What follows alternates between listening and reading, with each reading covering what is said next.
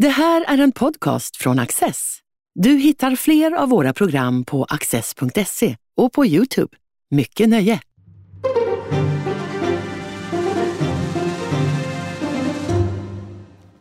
Välkomna till Studio Access. Och särskilt välkommen till veckans gäst, eh, Martin Krag, som är Rysslands och Östeuropaforskare vid eh, UI, Utrikespolitiska institutet och Uppsala universitet. Tack så mycket. Mycket trevligt att ha dig här. Vi ska tala om Ryssland, absolut, men låt oss börja i ett grannland till Ryssland, eh, Belarus. Mm. Och vi kan väl ta den frågan eh, till, redan nu till att börja med. här. En gång i tiden fick man lära sig att det heter Vitryssland. Det ska vi inte säga. Vi ska säga Belarus. Varför ja. inte och varför Belarus? Jag tycker inte att man behöver vara eh, fundamentalistisk i, i, frågan. Givetvis finns det en etablerad tradition i det svenska språket och det går ju tillbaka till 1800-talet när tsarryska administratörer delade upp imperiet i olika regioner och där Belarusea var en av dessa regioner. Det som vi översatte sen till Vitryssland. i den liksom bokstavliga översättningen för ett svenskt språköre.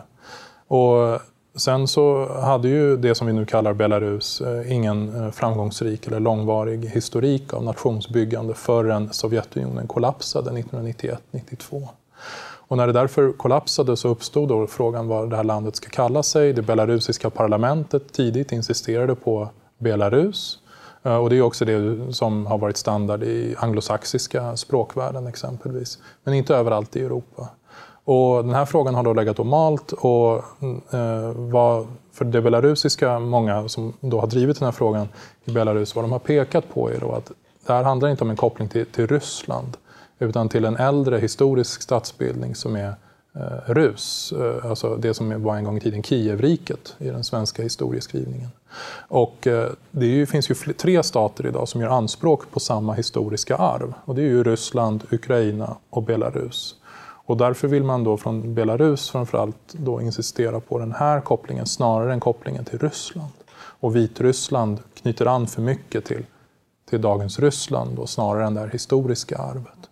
Så det här var någonting som drevs under 00-talet i synnerhet av belarusiska människorätts eh, och demokratiaktivister och politiker. Och senare blev det också någonting som den belarusiska staten kallade sig formellt när man återöppnade ambassaden i Sverige för ett par år sedan. Då heter den ju på svenska, enligt ambassaden, då Belarusiska republiken i Sverige. Så därifrån så har det väl varit mer eller mindre vedertaget att, att ändå säga Belarus, även om det kan vara svårt att, att komma ihåg och förstå exakt varför. All right, vi håller oss till Belarus. Ja. Um, som du sa, det är ett land med en kort historia av självständighet egentligen. De är, man ja, blev ett av de nya självständiga länderna när Sovjetunionen löstes upp. Och det fanns dessutom en, en kort period av självständighet eh, i, strax efter ryska revolutionen. Ehm, men kan du berätta lite om, eh, ge oss lite kontext kring denna bit av världen? Så att säga. Den har inte alltid varit en självständig eh, nation, men vad har den varit? Ja, det har ju varit så att säga eh, ett område som har legat i förkastningslinjen mellan olika europeiska imperier historiskt. Eh, det polsk-litauiska, Moskvariket om vi går tillbaka historiskt eh, flera hundra år. Närmare vår tid så handlar det om tsarryska imperiet som växte västerut och tog territorium från andra europeiska stormakter under 1700-1800-talet. Och eh, som du själv var inne på, så under första världskriget, vad som hände då var ju att fyra stora europeiska imperier bryter samman. Det tsarryska imperiet var det till ytan största av dessa. Och eh, eh bolsjevikerna tar makten eh, så, eh, sent 1917 och eh, etablerar då e-, ett nytt territorium som sen börjar expandera. Men under den här tiden så har ju flera andra stater utropat självständighet och det var en del av dem, som till exempel den finska eh, republiken, Estland, eh, Lettland, och Litauen givetvis, som också vann självständighet. Men du har ett par exempel på länder då som, som lyckades bara under väldigt kort tid, eller ett par år, någon typ av självständighet och kontroll över ett eget territorium. Belarus och Ukraina är exempel på de två största kanske. Mm. Och eh, det var inte helt enkelt även för det belarusiska så att säga, nationella projektet. Eh, det som drev detta projekt var inte helt självklart ens vad, hur det här territoriet skulle stakas ut. Eh, vad skulle det inbegripa för områden? Det var inte uppenbart. En del menade att Vilnius borde vara den belarusiska statens huvudstad. Men där fanns det en konkurrens med en annan stat som gjorde anspråk på samma område.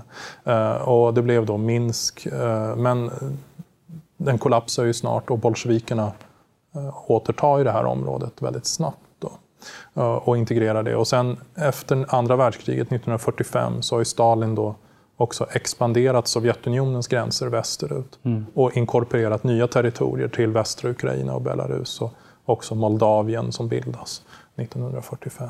Så att när Sovjetunionen kollapsar 1991 ehm, då stod ju de här länderna som Ukraina och Belarus egentligen inför en situation, och Ryssland givetvis också, där man eh, har att hantera republiker, stater som uppstår på territorier som historiskt sett är väldigt, väldigt nya. Och, och där frågan om nationell identitet och, och, språk och historia och historiska anspråk och gränser, allt det här hängde ju i stor utsträckning i luften. För Belarus var det en mindre central fråga för en inlandsstat utan till exempel kust territorium som kan vara centrala geopolitiska intressen. Eh, och det var också ett land som inte hade några liksom, territoriella anspråk, militära anspråk eh, gentemot grannländer. Men vi har ju sett att eh, runt om i det forna Sovjet så, så har ju den här frågan om statsformering fortsatt att vara en, en plåga. Vad får det för konsekvenser i dagens läge att man saknar den här kontinuitet, den statsmässiga kontinuiteten? Ja, alltså, under ett antal år nu så, så har det belarusiska språket och en, en idé om en belarusisk historia och kultur fått ett allt starkare fotfäste i, i landet. Och, och, eh, men eh, den ryska kulturen, det ryska språket spelar ju fortfarande såklart en mycket stor roll. Eh, både i praktiken, i människors vardag, men också historiskt med tanke på att områdena under så lång tid var en del av samma, samma land. Um, men uh, vi märker ju när det sker den här typen av politiska konflikter och den här typen av vilka konfliktytor som då öppnar sig. Och det har blivit väldigt tydligt sedan valet 9 augusti i år att för oppositionen så är frågan om en ny uh, liksom mer självständig eh, belarusisk identitet. Den, den, är väldigt viktig och man ser det i symbolerna som används, man ser det i, i, i eh, nationalhymner med mera som, som de knyter an till i proteströrelserna. Att vi sitter här och talar om Belarus just nu har ju naturligtvis eh, att göra med vad som har hänt sedan eh, det val, om man nu är korrekta termen, som ägde rum i eh, början av augusti varefter det har varit omfattande protester emot valfusk och despoti får man väl säga. Belarus styrs av en man som heter Alexander Lukasjenko som har varit en sorts diktator i ja, ett kvartssekel vid det här laget. Han kom väl till makten 94. Ja. Ehm, så han har väl fuskat sig till ett och annat. Eh, han har fuskat i ett och annat val även tidigare. Mm. Men vad är det som gör att det har tänt till på, det, på ett så eh, omfattande sätt just den här gången? Uh, många blev nog överraskade över um, storleken i protesterna. Uh, men faktum är att om man lyssnade på vad belarusiska demokratiaktivister och oppositionella har sagt under en längre tid så, så kan man se att det här har legat under ytan och pyrt och att det blev mer och mer synligt ju närmare vi kom till valet. Att, att blev det ett flagrant valfusk och, och eh, Lukasjenko återigen skulle förnya sitt maktinnehav på det här brutala sättet, vilket ju också var det mest eh, sannolika som skulle ske. Eh, att också då protesterna skulle kunna bli osedvanligt stora. Nu hade inte det skett 2015 års val Ja, en anledning till det kan ju ha varit helt enkelt att det låg alldeles för nära på i tid till Krimannekteringen och kriget i östra Ukraina. Och att den externa aspekten hade en mycket dämpande effekt på, på oppositionen i Belarus. Eh, 2010 års val, om vi kallar det val, då, nominella val, Eh, i Belarus. Då, då, det var ju då vi senast såg en, en, någonting som kan likna en, en större proteströrelse. Men eh, det som vi har sett de sista månaderna det saknar motstycke i landets moderna historia. Mm. Men om man söker tänkbara orsaker till att det har blivit så mycket mer mm. kraft i det idag, då, ja, det, Rysslands eh, eventuella, eh, ja, eller Rysslands attityd eh, är en tänkbar faktor. En annan tänkbar faktor är ju att eh, folk har börjat tycka ännu mer illa om Lukasjenko-regimen eller att de har börjat tycka mycket bättre om oppositionen. Ja, alltså, om man ska välja någon förklaring där. Alltså, oppositionen är ju människorna. Eh, så vad som har hänt, skulle jag vilja hävda, är framför allt en, eh, en, en acceleration i förändringen av människors mentalitet.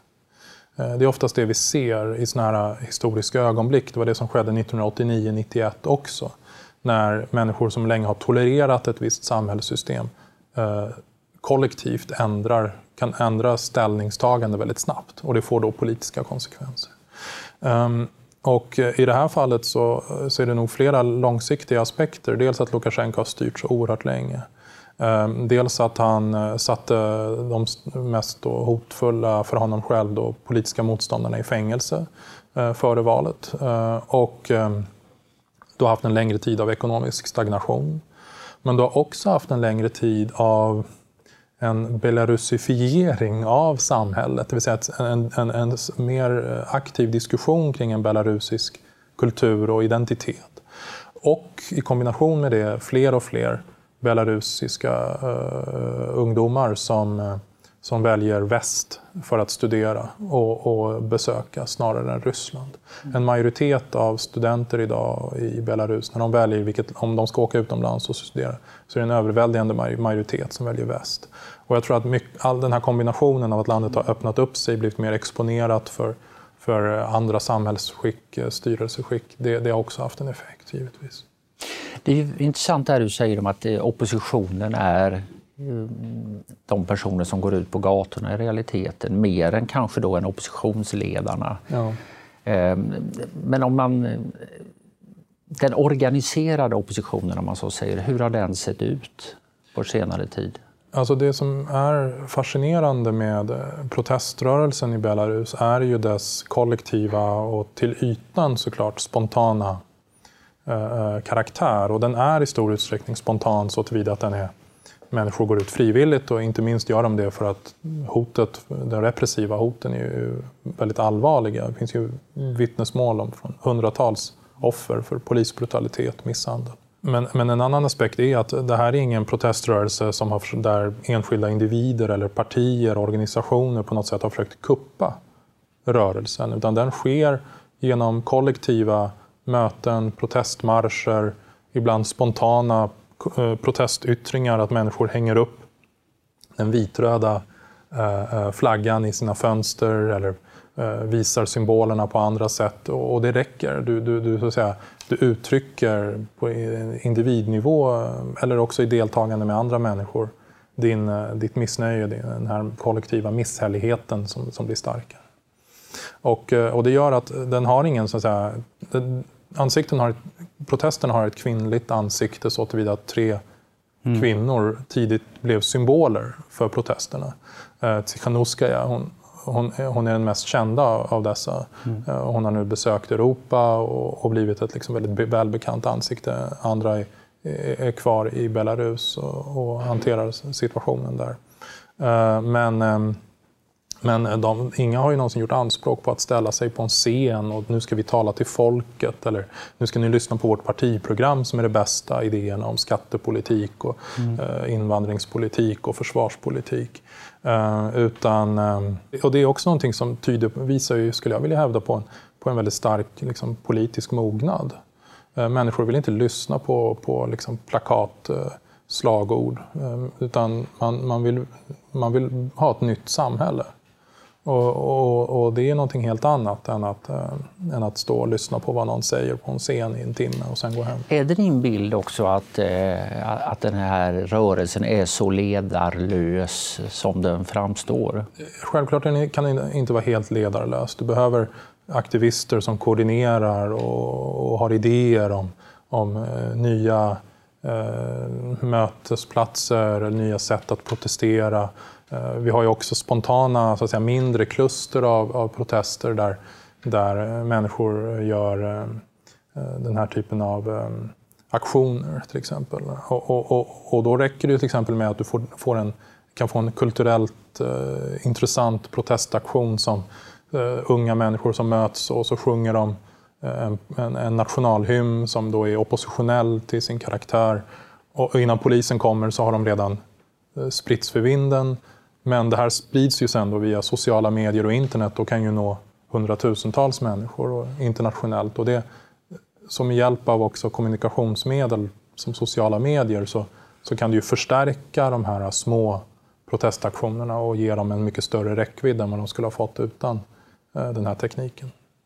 Hur, stor, hur stort eh, folkligt stöd har regimen? Folkligt stöd tror jag inte man kan säga att Lukasjenko har. Han har haft stöd som har varit passivt, men många har kanske tidigare tolererat hans stöd. Belarus har haft ett förhållandevis stabilt samhälle. Eh, framförallt har man ju undvikit det som många andra länder har hamnat i, vilket är ju ren, regelrätta eh, militära konflikter. Ryssland hade Tjetjenien under många års tid, det kvarstår. Du har Nagorno-Karabach, du har Abchazien, Sydossetien i Kaukasus, de här konflikterna som fortgår. Du har östra Ukraina, Krimkonflikten med Ryssland. Och du har Transnister i Moldavien. Mm. Uh, Belarus är omringat av länder som är, har varit mycket mer instabila. Och på det så har det haft en industristruktur som inte har varit den mest moderna och högteknologiska.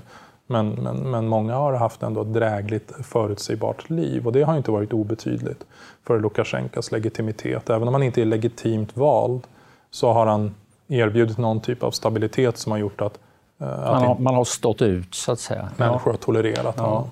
Och, eh, men om man inte erbjuder ekonomisk stabilitet längre. Eh, och om människor slutar tro på propagandan, vilket de har gjort nu i mycket större utsträckning, då återstår bara spjutspetsen på en bajonett för att hålla sig kvar vid makten. Och det är det vi ser nu. Eh, Lukasjenko styr nu i dagsläget tack vare att KGB, säkerhetstjänsten i Belarus som fortfarande heter mm. KGB som i Sovjetunionen, och militären. Plus det så att säga, indirekta stödet från Ryssland. Ehm, det tog ett tag innan ledarna i Kreml uh, verkar ha bestämt sig för vilken fot de ville stå på. För att man ville väl kanske avvakta lite och se om Lukasjenko skulle så att säga, ja, kanske handlade i grund och botten om han mentalt, psykologiskt skulle stå ut med de här protesterna och klara av dem. Ett tag så betedde han sig ju lite irrationellt. Han, han besökte en fabrik eh, där han blev utbuad och han började säga konstiga saker. Han flög iväg i en helikopter som, på ett sätt som påminde lite om Ceausescu i Rumänien, eh, hans sista dagar. Och, eh, men han samlade sig och, och verkar ha fått Moskvas stöd. Och eh, det, efter det så har hans självförtroende, hans ibland eh, helt omotiverat höga självförtroende uppenbarligen stärkts. Då. Det har varit en ganska ambivalent relation mellan honom och Putin. Va? Eh, de har ju nu varit eh, härskare i varsitt land i, under mycket lång tid. Mm. 20 eh, år har, har de liksom styrt tillsammans. Hur har konjunkturerna sett ut dem emellan? Är Lukasjenko en marionett i Putins händer? Alltså, han är ju en marionett på det sättet som Eh, Warszawapaktens stater var Moskva-marionetter under kalla kriget. Det vill säga de var en del av en liknande politisk struktur, de var en del av samma politiska struktur och så formellt. Men Moskva upptäckte ju gång på gång att, eh, att de var, ofta hade egna agendor också. Eh, och det kunde man hantera som i Tjeckoslovakien 68 med militär intervention. Eller så kunde det vara tvärtom som i slutet av 80-talet när Mikhail Gorbatjov upptäckte att de här mest konservativa reformmotståndarna, de fanns inte i Sovjetunionen utan i Östtyskland och Rumänien och, mm. Eh, och Ungern. Um, och att, det var där, och att han helt enkelt bara fick släppa dem av den anledningen, för att han fick inte med sig dem. Lukasjenko har ju haft den här tangon på samma sätt under flera års tid, där han har balanserat sina liksom, egna intressen och belarusiska intressen med, mellan, med framförallt Ryssland och EU. Eh, Belarus har ju då gått med i den ryskledda, eller Moskvaledda eh, Eurasiatiska tullunionen eh, som är en slags ja, hybridvariant av Europeiska unionen fast mycket mindre integration i praktiken. Man har också sedan slutet av 90-talet ett avtal med Ryssland som handlar om en mycket djupare integration och som Lukasjenko hela tiden har hållit emot att redan, för att den inte ska realiseras i praktiken. Samtidigt med allt det här så har han ju också ett associationsavtal som han förhandlar med EU, då, ungefär som då eh, Ukraina och andra mm. länder har gjort också eh, inom ramarna för det som kallas det östliga partnerskapet.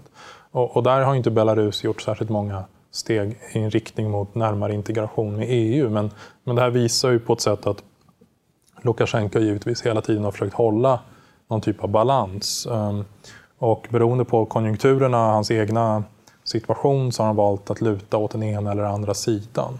Tidigare i år så besökte ju Mike Pompeo, den amerikanska eh, politikern, eh, Minsk för första gången till exempel. Och det sågs ju också som ett sätt att hitta andra kontaktytor. Kina är ju en stor viktig investerare, utländsk investerare i Belarus som har en ganska livaktig eh, IT-industri, i alla fall fram till nyligen. Då. Det försvåras ju nu när Lukasjenko hela tiden stänger ner internet. Då är det svårt för IT-sektorn att frodas. Då. Och om säkerhets kulturen och den här repressiva strukturerna stärker sig så kommer man givetvis försvaga IT-sektorn eh, i Belarus. Men, men det här visar ju att liksom, man har försökt öppna sig mot flera ytor hela tiden. Då. Sen i augusti har ju Lukasjenko vänt sig mycket starkare igen åt det ryska hållet. Mm.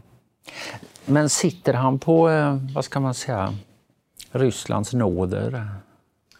Jag skulle vilja hävda att han gör det sedan i augusti. Okay.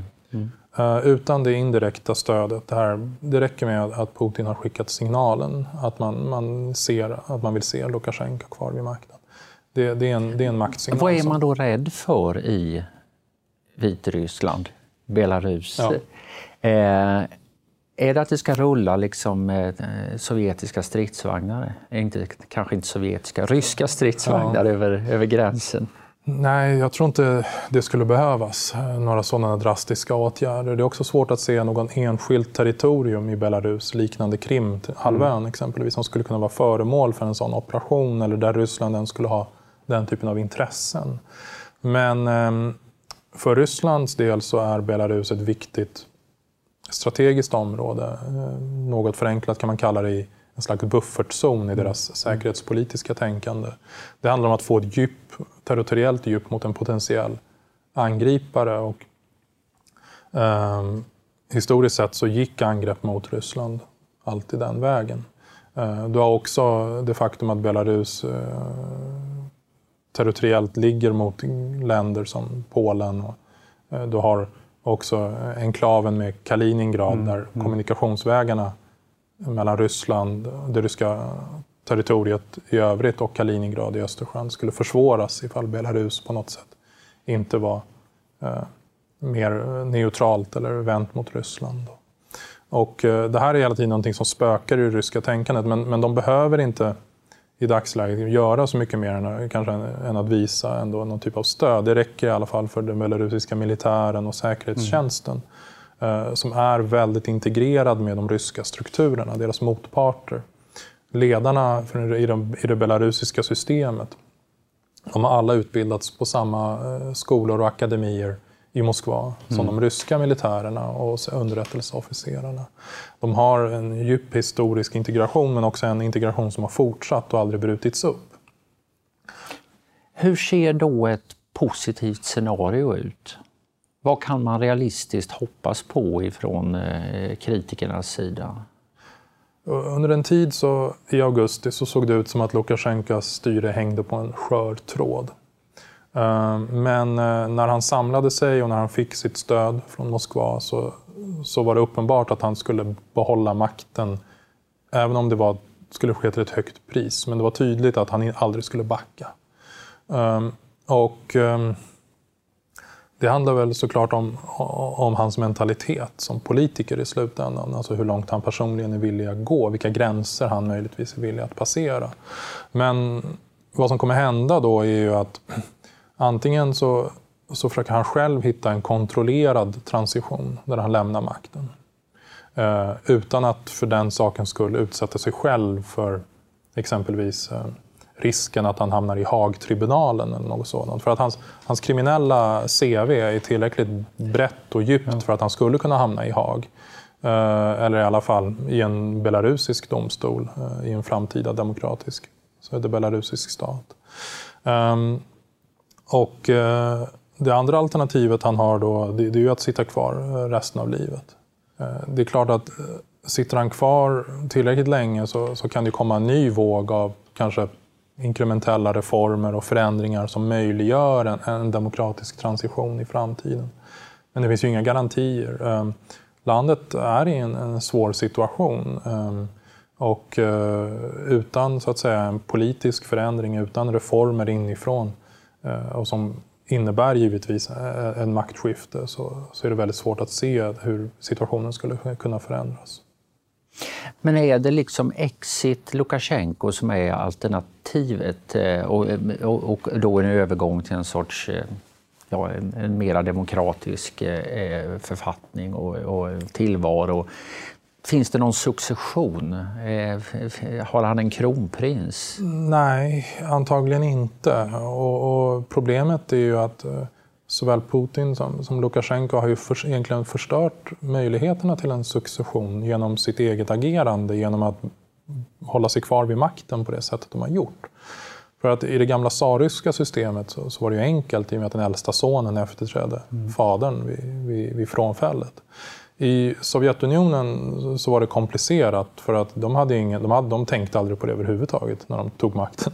Så, så där styrde du antingen tills du dog, eh, som, som Stalin, mm. eller tills du blev avsatt i en statskupp eller någon annan revolution som, som Khrushchev mm. 64 eller Gorbatjov 91.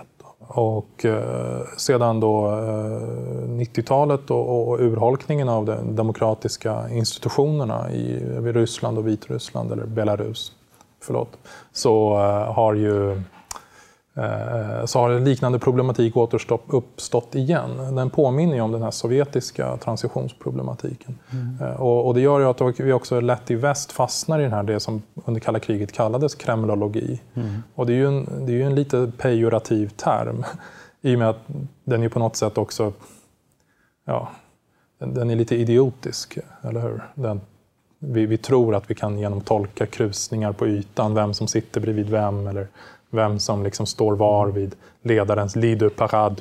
Liksom efter, eh, och sådär. Det, det blir lätt ytligt och, och, det är svårt att säga vad vi kan egentligen veta om den här svarta lådan som är dessa länders regeringar. Men om man tänker så här då, att, att Lukasjenko eh, skulle säga nu har jag suttit här i 26 år, det får ja. räcka. Eh, och jag kanske ändå kan få dra mig tillbaka någonstans i Ryssland. Det är svårare för Putin att hitta något land att ja. flytta till. Ja. Eh, skulle, och, och, jag släpper fram den demokratiska rörelsen. Mm. Det blir som 91 eh, så att säga igen. Eller ett nytt 91. Skulle mm. ryssarna tillåta detta? Um, från Moskvas håll så skulle man garanterat göra allt man kan för att kontrollera en sådan utveckling. Ehm, det betyder inte att man är motståndare till ett maktskifte men man skulle vilja ha ett finger med i spelet alla gånger. Och det finns inget land som har så stark förankring i det belarusiska systemet som Ryssland. Så vad som än händer så är det Moskva som kommer veta det innan någon annan Ja, det är ju intressant. Är oppositionen så att säga antirysk? Nej, eh, den har inte varit det mm. i någon större utsträckning. Alltså det ryska är ett väldigt vanligt språk som talas i Belarus av alla, i princip nästan alla. Och, um, man har ett ekonomiskt och kulturellt eh, mycket stort utbyte mellan de två länderna. Så även en demokratisk styre ja. skulle vilja hitta någon sorts ja. modus vivendi med Så är det garanterat. Ja. Eh, I dagsläget eh, i alla fall har det fönstret inte stängts. Okej, okay. och det skiljer Men... Belarus från Ukraina till exempel? Ja, i Ukraina har ju så att säga, den antiryska aspekten radikaliserats mm. efter Krimannekteringen. Mm. Och den var också starkare på grund av olika historiska skäl med att de västra territorierna i Ukraina eh, ockuperades ju väldigt sent, 1945. Mm. Eh, och hade dessförinnan en helt annan liksom, kulturell och nationell mm. tillhörighet i polska strukturerna. Men ju mer Lukasjenko ser ut att bli beroende av Putin, desto mer kommer ju så att säga, hatet som nu riktas mot Lukasjenko också riktas mot Putin. Så det, det, finns ju en risk att genom att binda sig för starkt vid en person så kommer det här oppositionens eh, liksom, missnöje med, med sitt eget styre riktas också mot eh, Moskva. Inte det ryska folket, men i alla fall mot, mot Putin. Och, mm. och eh, det, det beror ju på så att säga, hur långt situationen kommer gå, om den eskalerar eller om protesterna nu kommer eh, ebba ut. Vi, vi får ju, det beror ju lite på dynamiken, det är den som styr den här frågan lite. Men, men det, har man, det, här måste man säkerligen ha tänkt på i Kreml och, och funderat på vad, man, vad som blir nästa steg. Steg ett var att undvika någon typ av okontrollerat maktskifte. Det är ju det som man är mest rädd, av, rädd för i, i, i, i Kreml. Mm. Man pratar, Putin har ju återkommit till det gång på gång, att, att väst försöker stötta så kallade mm. färgrevolutioner i ryskt närområde mm. och i mm. Ryssland för att störta styren och så vidare. Eh, det, det, ville man ju förhindra. Ett sånt scenario det var ju det viktigaste. Det var ju steg ett, att förhindra ett sånt scenario. Sen steg två var att förhindra någon typ av eh, blodbad. Eh, jag tror inte man ville se det alls i Moskva givetvis, att det skulle ske något sånt i Belarus. Ehm, men steg tre blir ju att fundera på vad gör vi nu då? Mm. Nu har vi lagat hålen i den här sjunkande flotten, men vad, hur tar vi oss till, till stranden? Okej, okay, det är vad de tänker på. Då är, eh, ska vi ta en avslutande fråga med eh, vad ska den om, övriga omvärlden tänka på? Eh, EU har nu eh, i likhet med USA, och Kanada och eh, Storbritannien svarat med sanktioner på det här valfusket i den sena och, och polisbrutaliteten eh, som har varit sedan augusti vad är en produktivt sätt att eh, hjälpa Belarus framåt? För ett land som Sverige, ja. för EU? För, ja. Det finns inga enkla recept. Och det är intressant att Belarus är ett av de länder som, just för att det var en så hård despotisk regim i jämförelse med Ukraina exempelvis, som, så, så, Belarus har ju fått mycket, mycket mindre uppmärksamhet av EU de sista 20-25 åren. Eh, man har satsat mycket mindre medel på demokratifrämjande och annat i Belarus för att man har tänkt att ja, det har väl inte funnits någon känsla för att det har gått eller varit praktiskt genomförbart. Um, men så är det i Belarus av alla länder som vi ser den kanske mest ihållande och också den, liksom, där den demokratiska kulturen i protesterna är, är, så oerhört starka. Vi pratar ju här om hundratusentals människor som protesterar fredligt vecka ut och vecka in, trots polisbrutaliteten, Eh, trots hoten för den personliga säkerheten. Du kan bli av med jobbet, eh, dina barn kan eh, råka illa ut och så vidare. I skolan till exempel, få repressalier. Det här är proteströrelser där människor när de går i parkerna och ska ställa sig så, och kanske gå upp på en parkbänk så tar de av sig skorna innan de går upp på bänken. Så att det här är, det är ju en, liksom, det här är ju liksom en fredlig resning och den har demokratins alla liksom, kännetecken. Um, och väst har egentligen inte haft så mycket med den att göra alls. Alltså det är väl lite där vi, vi får se liksom vad är det vi kan stötta. För att vad vi kan stötta då, det är väl kanske framförallt indirekt genom att erbjuda möjligheter för det belarusiska folket. Vi kan erbjuda vi kan visa att vårt samhälle är öppet. Vi är intresserade av kontakter med belarusier. Vi, vi vill ha mer interaktion med dem. Vi vill er, vi, det handlar om studenter givetvis. Det är alltid enklast och liksom, mm. till exempel ett första steg att erbjuda liksom, den typen av utbyten. Vi måste givetvis intressera oss mycket mer för Belarus. Det, är två, det här går ju två vägar. Um, Belarus, alltså alla samhällen idag i, i forna Sovjet, eh, de, de, de, de är mycket mer öppna trots allt än vad Sovjetunionen någonsin var. Mm. De kan mycket mer, de förstår mycket mer om omvärlden än vad man gjorde för 40 år sedan i den här regionen. Ehm, så vi behöver liksom inte undervisa dem om, om, om oss själva så mycket. Utan, men, men ett engagemang, det, det, är ett väldigt viktigt steg. Det andra är ju såklart att visa att vi inte vill ha att göra med, med eh, de människor som nu ansvarar för terrorn mot sin egen befolkning. Eh, att vi inte tolererar dem och vi ser inte dem som legitima ledare. De är möjligtvis interimsstyre, eh, men, men vi ser inte dem som liksom legitima politiskt. Um, och uh, det tredje är väl att, uh, att uh, vi är villiga att erbjuda andra typer av öppningar som visar på en slags långsiktig idé om, en, om ett Europa som, som är i fred och är i någon, någon typ av integrationsstruktur. Inga enkla modeller? Men... Nej, um, det kommer absolut inte vara enkelt. Och, och, vi kanske sitter här om tio år och har samma diskussion igen och funderar på varför det inte har gått som vi hoppades. Men, men, men de här sakerna, där handlar det om historiska processer som i väst tog hundratals år att åstadkomma. Om vi pratar om demokratisering och, och, och, och liksom rättsstat och, och, den typen av strukturer som vi tar för givet. Det är ingenting man tar för givet utan det är ju någonting som i själva verket måste byggas och det tar väldigt lång tid. Eh, finns det liksom, som i Estland, Lettland, Litauen i början av 90-talet en stark politisk vilja som har djup folklig förankring att gå i den riktningen, mm. ja då kan det gå snabbt.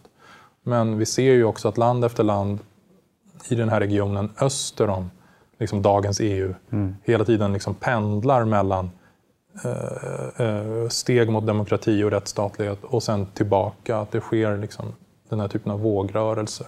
Och att det är svårt av historiska och, och, och politiska skäl att, att liksom bryta sig ur den här. Det är en slags jämviktssituation som mm. har uppstått och den, den är svår att rubba på. Beslutsamhet och tålamod krävs. Ja, Martin Krag, stort tack för att du har varit här. Ja, tack så mycket. Du har just lyssnat på en podcast från Access. Du vet väl att vi också är en tv-kanal och tidning? Teckna en prenumeration idag på access.se.